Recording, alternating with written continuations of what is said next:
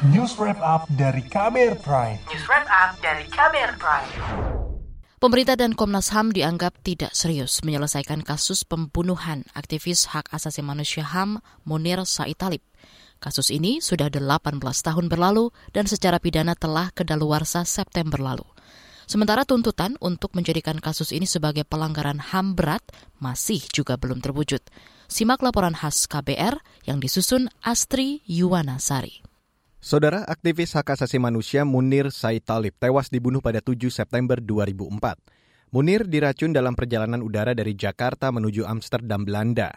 Meski sudah 18 tahun berlalu, tetapi kasus ini masih menyisakan tanda tanya. Belum terungkap mengapa Munir dibunuh dan siapa dalam pembunuhan itu.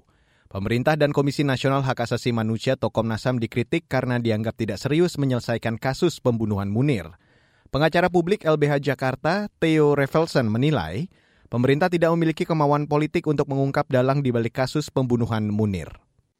Nah, selain keinginan politik eh, yang tidak ada, faktor eh, konfigurasi politik pasca reformasi itu juga menentukan kasus-kasus ini tidak bisa diungkap karena Eh, orang-orang yang diduga sebagai pelaku uh, pelanggaran HAM berat masih memegang jabatan integral dalam uh, pemerintahan.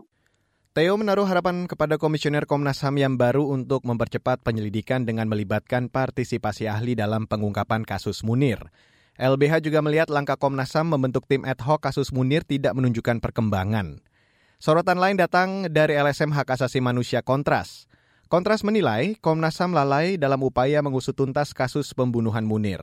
Kepala Divisi Hukum Kontras Andi Muhammad Rezaldi mengatakan, upaya Komnas HAM membentuk tim kajian, membentuk tim pemantauan, dan baru membuat tim ad hoc hanya bagian dari politik mengulur waktu atau politics of delay.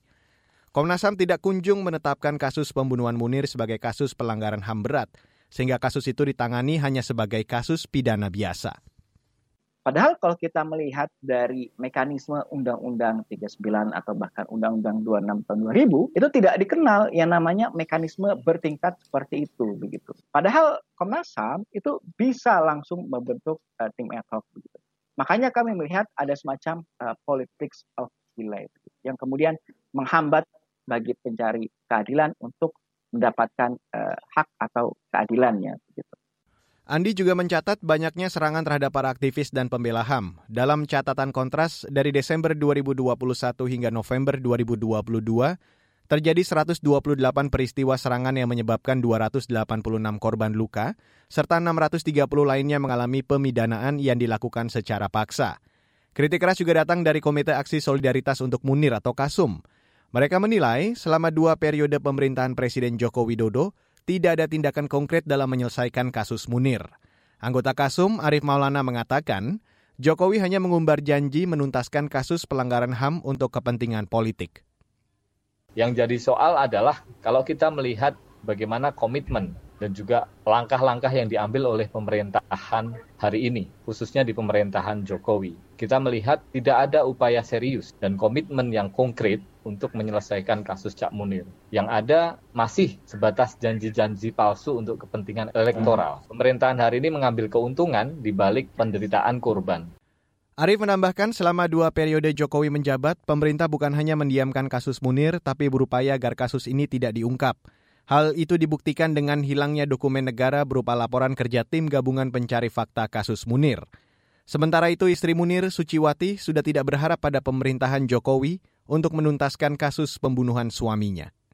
Buat saya komitmen awal ketika dia naik, dia berjanji kan lagi-lagi kita hanya dijadikan komoditi politik dan lagi-lagi juga ini dia untuk jualan untuk mendapatkan kekuasaan gitu loh. Jadi pertanyaannya apakah betul dia hanya sebagai petugas partai? Itu kan bisa menjelaskan itu di situ gitu loh. Uh, ininya dia, kekuatannya dia sampai mana sih? Jadi itu sih tentu saja buat kami ini sangat mengecewakan sekali. Hmm. Sebagai orang yang selama ini bersama-sama berjuang dengan keluarga korban pelanggaran HAM berat masa lalu.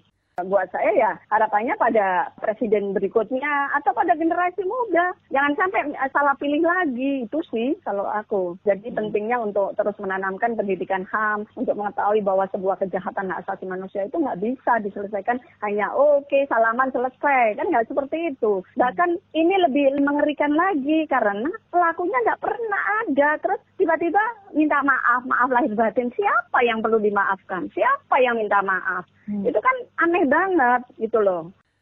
Saudara laporan ini disusun Astri Yuwanasari, saya Reski Mesanto. Kamu baru saja mendengarkan news wrap up dari KBR Prime. Dengarkan terus kbrprime.id, podcast for curious minds.